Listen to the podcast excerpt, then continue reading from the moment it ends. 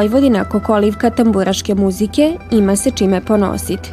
Tambura je svojom specifičnošću i toplinom zvuka ostavila veliki trag u kulturnom životu regiona, a danas nastavlja živit ko jedan od simbola našeg identiteta u novootvorenom muzeju u Novom Sadu. Naime, izložba tamburaške tradicije u Vojvodini otvorena je u Menratovoj palati u centru Novog Sada, čime su Svitska tamburaška asocijacija i Tamburice Fest dobili svoj novi dom u kojem su jedinstvenom muzeološkom postavkom obuhvatili više od dva vika tamburaške tradicije u Vojvodini. Otvaranje muzeja je se pokazala kao kulturološka potreba ovog grada, imajući u vidu da je tamburaška kultura sastavni deo našeg e, identiteta svih naroda i narodnosti koji žive na ovim prostorima. Postoji ogromno blago muzejskih eksponata koje sam uspeo da prikupim i napravim jedinstvenu izložbu ovakve vrste u svetu. Ovde su izuzetno vredni eksponati od tamburice Janike Balaža, zatim pijano od Save Vukosavljeva, dobili smo na pozajmicu od Muzeja Vojvodina i Muzeja Novog Sada i tamburicu Marka Nešića i Vasa Jovanovića i mnoštvo još drugih drugih izuzetno tradicionalno značajnih eksponata za ovaj muzej. I e, želje je da e, ovom postavkom turistima koji dolaze u Novi Sad i ljubiteljima i muzike, ne samo tambure, e, pokažemo šta naš grad i šta Vojvodina u širem smislu ima od svoje tradicije.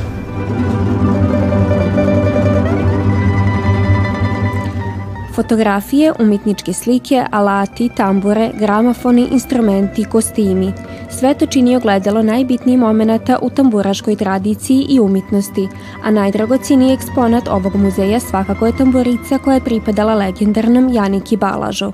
Izložba se, sa, e, se sadrži od nekoliko e, celina, gde posetioci mogu da se upoznaju sa tamburaškim instrumentima, sa njihovom evolucijom, dakle sa nekim redkim primjercima koji predstavljaju e, neke instrumente koji su postojali u, e, u evoluciji, u prošlosti, u tamburaškoj praksi, zatim sa e, majstor, sa majstorima tamburaškog graditeljstva, dakle sa svim onim elementima koji su predstavljali specifičan zanat građenja samih tambura i sa ličnim predmetima nekih od najvažnijih E, pojedinac i ličnosti od e, kraja 19. veka pa sve do današnjih dana i kojima smo savremenici kao što su e, s kraja 19. veka i početka 20. veka Marko Nešić i Vasa Jovanović pa sve do Janike Balaže i Zvonka Bogdana. Pored toga, u drugom delu sale publika se može upoznati sa likovnim radovima gde su umetnici likovne E, umetnosti se izražavali inspirisani tamburom i tamburaškom tradicijom. Formiranje ovog jedinstvenog muzeja pomogli su kako pojedinci, tako i brojne kulturne ustanove med kojima su Muzej Vojvodine, Muzej grada Novog Sada i Galerija Matice Srpske. A iz Muzeja Tamburice Festa poziva je sve pojedince koji imaju kakve vridne predmete koji se vezivaju za tamburašku tradiciju i praksu da njim se jave kako bi ti vridni eksponati bili pohranjeni i čuvani na pravi način.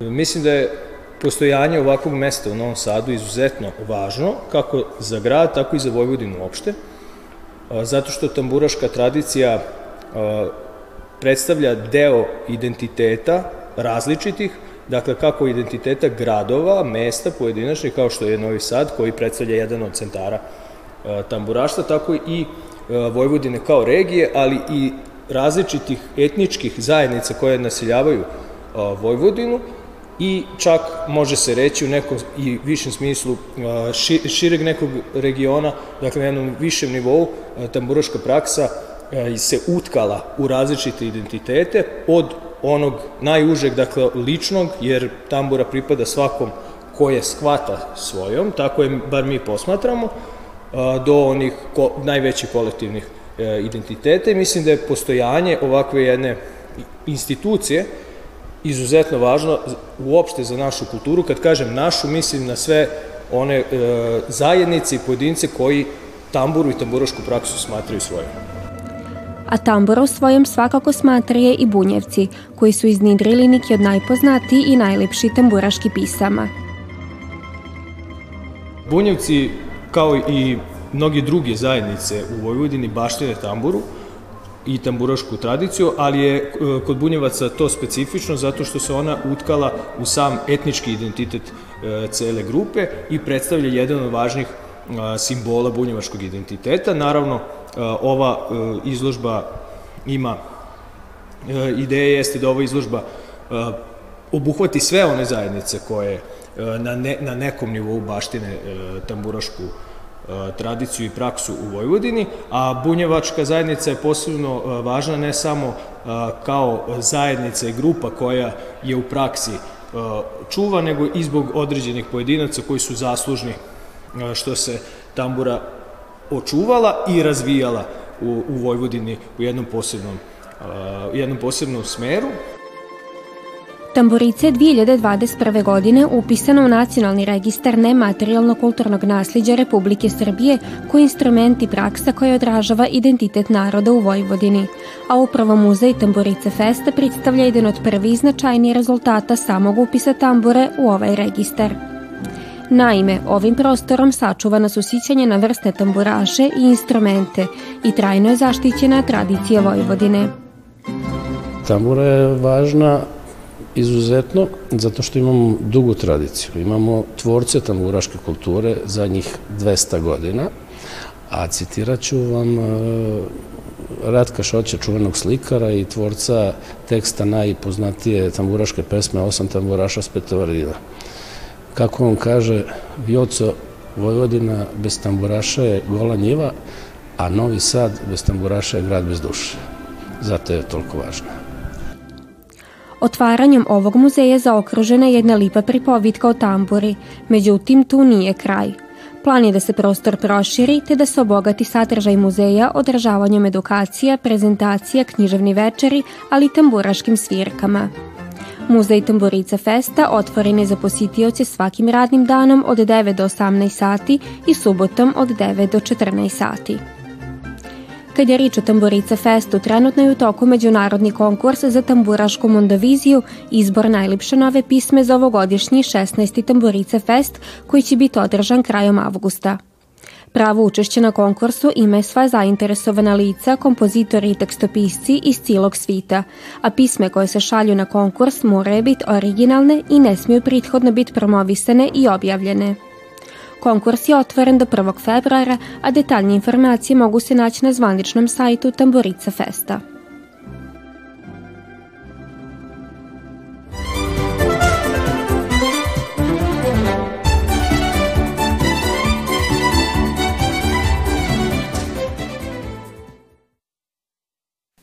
D plus Atlas nastao s ciljom otkrivanja skriveni urbani vridnosti manjih gradova duž Dunava iz nove perspektive, zajednički rad istraživača šest partnerskih univerziteta iz Slovačke, Mađarske, Srbije, Rumunije i Bugarske – Među 90 gradova cilog Podunavlja mapirana je i Somborska varoš s glavnim društvenim, demografskim, ekonomskim i komunikacionim obilužima. Atlas služi kao odlična osnova gde su prikazane pogotovo urbanistički i kulturni potencijali i značajke grada Sombora.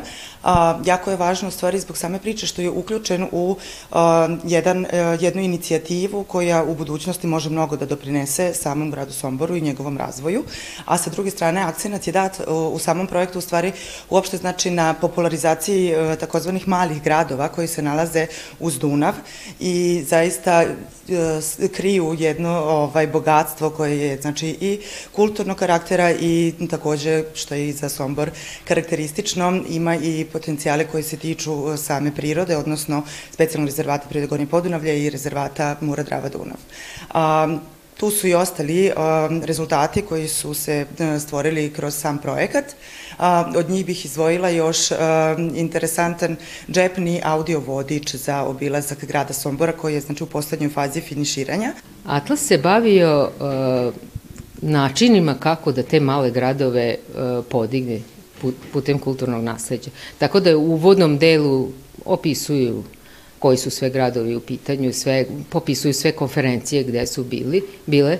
E, U drugom delu je uh, razvoj tih gradova kroz prošlost. Znači, Sombor je već uh, izanaliziran i to su sve profesori sa arhitektonskog fakulteta i njihovi naučni radovi koji su izanalizirali kako se grad razvijao, kad su mu bili vrhunci u kom periodu i zašto stagnira. E, sadašnjost je analizirala, e, sadašnji deo je analizirao zašto stagnira, a budućnost je dao pre, e, predloge šta može da se uradi. I već je jedan naučni rad od Branislava Antonića otišao i prihvaćen je u Parizu. On stvara mikroklaster muzeja. To je inače primenjivano samo na velikim gradovima, nikad na ovako malom gradu, ali uh, redko je kak, da se desi da ovako mali grad ima toliko uh, atraktivnih muzeja, galerija, narodno pozorište i da su grupisani u jednom delu grada. Sombor je ostavio velik utisak i pripoznat je ko svojevrstan biser u kojem se tušta toga može vidjeti i na kojem se još tušta triba i radit.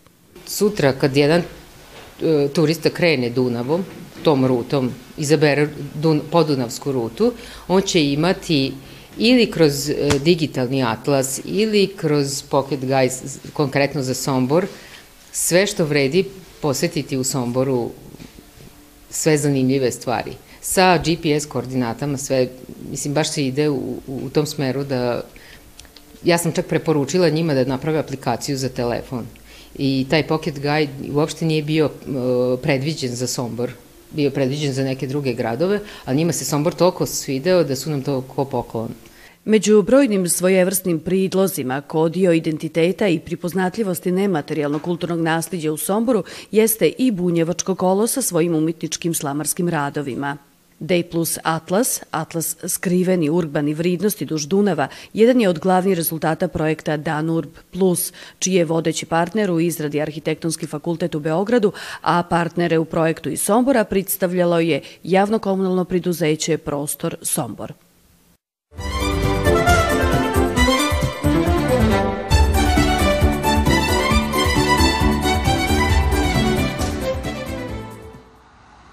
Život koji je u dobroj miri zavisio i od poljoprivrede. I te kako je zahtivo, kako takvu sigurnost u pogledu vrimenske prilika. Čerestog ne čudi da su se u kadgodašnja vremena čeljad u planiranju poslova oslanjala i na Lucin kalendar – Iako nam je danas vremenska prognoza dostupna na jedan klik, Branko Pokornić iz Bajmaka godinama unatrag vrime prognozira upravo na osnovu praćenja vremenske prilika od Svete Luce do Božića, a kako kaže, tačnost prognoze je digod oko 80%. I sami smo bili svjedoci toplog decembra, a tak je i tekući mjesec.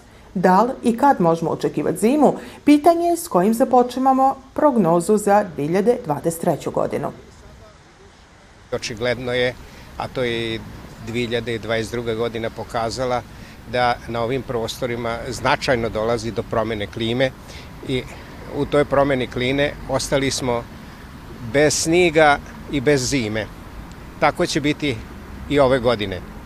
Prvi kvartal, evo vidite i sami, januar mjesec je krenio, on je dosta turbulentan. Imamo visokih temperatura i onda prođe nekoliko dana, pa onda dolaze niske temperature, pa nešto malo padavina.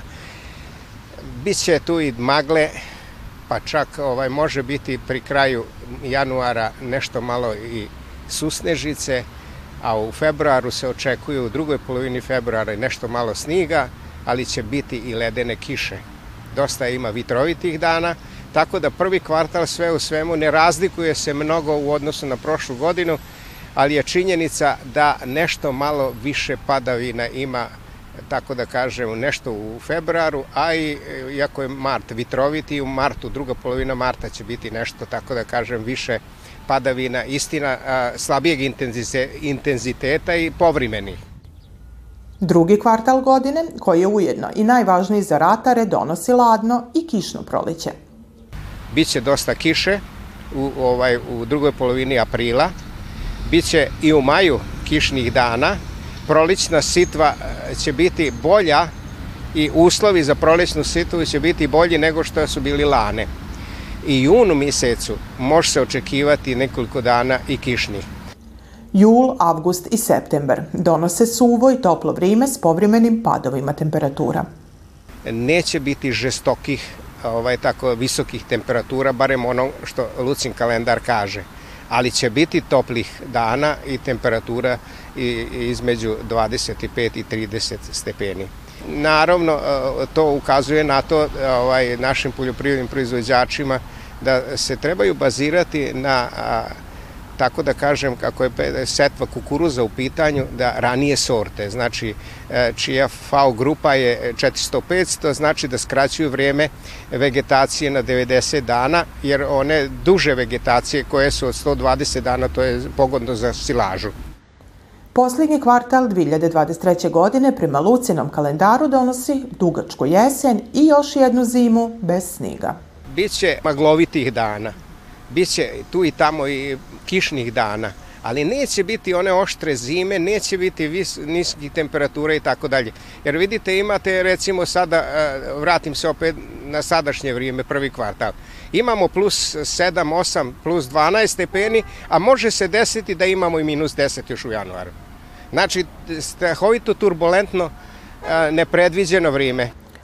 Poslednjih godina svjedoci smo i klimatski promjena, koje iđu u pravcu sve toplijeg vrimena.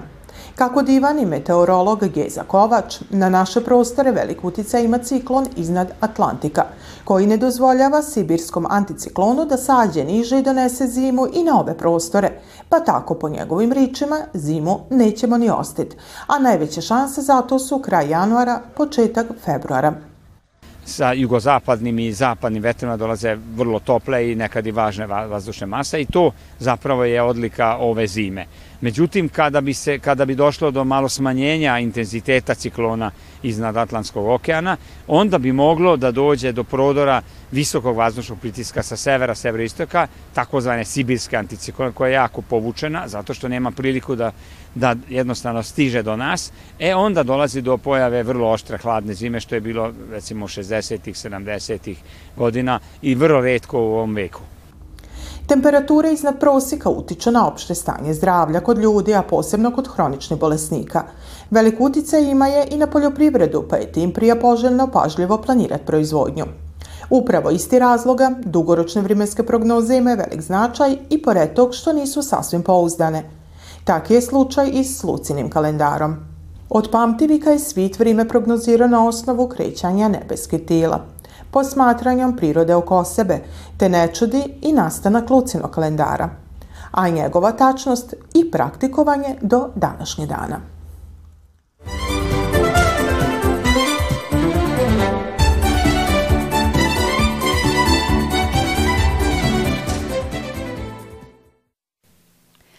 Najinteresantniji momenti tokom Somborskog lita, jel s ulice Stari Zanata iz Armonije Gornjeg Podunavlja, jel Svinskog festivala, jel pak iz programa Zimski čarolija, a biluženo umjetničkim okom i objektivom Petra Zamba, pa začinjeno koncertnom fotografijom, našlo se na svojevrsni deset izložbeni panoa relativno novog galerijskog prostora zgrade Grašalkovićeve palate. Izložba nazvana Bojom nota objedinila je dve velike fascinacije autora Petra Zamba, muziku i fotografiju. Večeras je prvi put u saradnji sa turističkom organizacijom grada Sombora nastala ova izložba i ona se sastoji iz dva dela. Na prvom delu su fotografije koje su e, napravljene na dešavanjima koje je organizovala turistička organizacija grada Sombora, a na drugom delu je neko moje koketiranje sa umetničkom fotografijom koja se bazira na muzici, na bojama i koji nekako spaja te dve ovaj, umetnosti u jednu i izražava i kroz fotografiju i nadam se da tako ovaj, i samom gledalcu spaja te dve vrednosti. Koncertna fotografija spada u jednu od zahtivniji, jer je nije lako opraviti upravo zbog prominjivi svitlostni uslova. Većina nas u fotoklubu, mi to gledamo kao neki hobi i volimo što više da istražujemo i da probamo različite žanrove fotografije, ali ova, ajde da kažem, rock fotografija ili koncertna fotografija je dosta zahtevna, mislim, za, tehnički je zahtevna za fotografisanje, a na ovoj izložbi se stvari vidi koliko je uh, Petar, koliko on ima na neki način, kako da kažem, umeće i veštinu da izvuče u tim promenljivim svetlosnim uslovima da izvuče najviše što može i da to ispadne ovako dobro kako jeste. Ja znam da je koliko je Zambo u stvari kvalitetan fotograf, A, s tim što s ovom, s ovom izložbom je malo otišao jedan korak dalje, zato što je ovaj, stvari spojio dva svoja hobija. Jer on osim što je pasionirani fotograf od detinstva, on je isto tako od mladosti i muzičar. Svira bas gitaru u grupi Acoustic Band, somborskoj grupi. I, ovaj, I on u principu probao da spoji ta dva, i ja mislim da to vrlo uspešno uradio i ta igra boja u stvari dočarava na neki način zvuk što on u stvari hteo da postigne. Ja mislim da uspeo u tome. Petar je nuzoca rasto s fotografijom, ali se s njome bavi aktivno tek posljednjih desetleća. Član je Somborskog fotokino i videokluba Rada Krstić i Foto Saveza Srbije, a svoja umitnička znanja rado prinosi i na mlađe. Moj otac je bio dugo fotograf, ovaj, radio i za novine kao novinarski fotograf, tako da sam imao u sebi usađenu tu neku ljubav prema fotografiji koja je posle samo rasla. Da, da i dan danas držim časove fotografije i preko fotokluba našega Rade Krstića i u privatnoj režiji Peta samostalna izložba Petra Zamba, Boja Nota i vizit Sombor okom fotografa ujedno predstavljaju i retrospektivni prikaz sveg onog što je za svoje sugrađane tokom godine za nama pripravila turistička organizacija grada Sombora.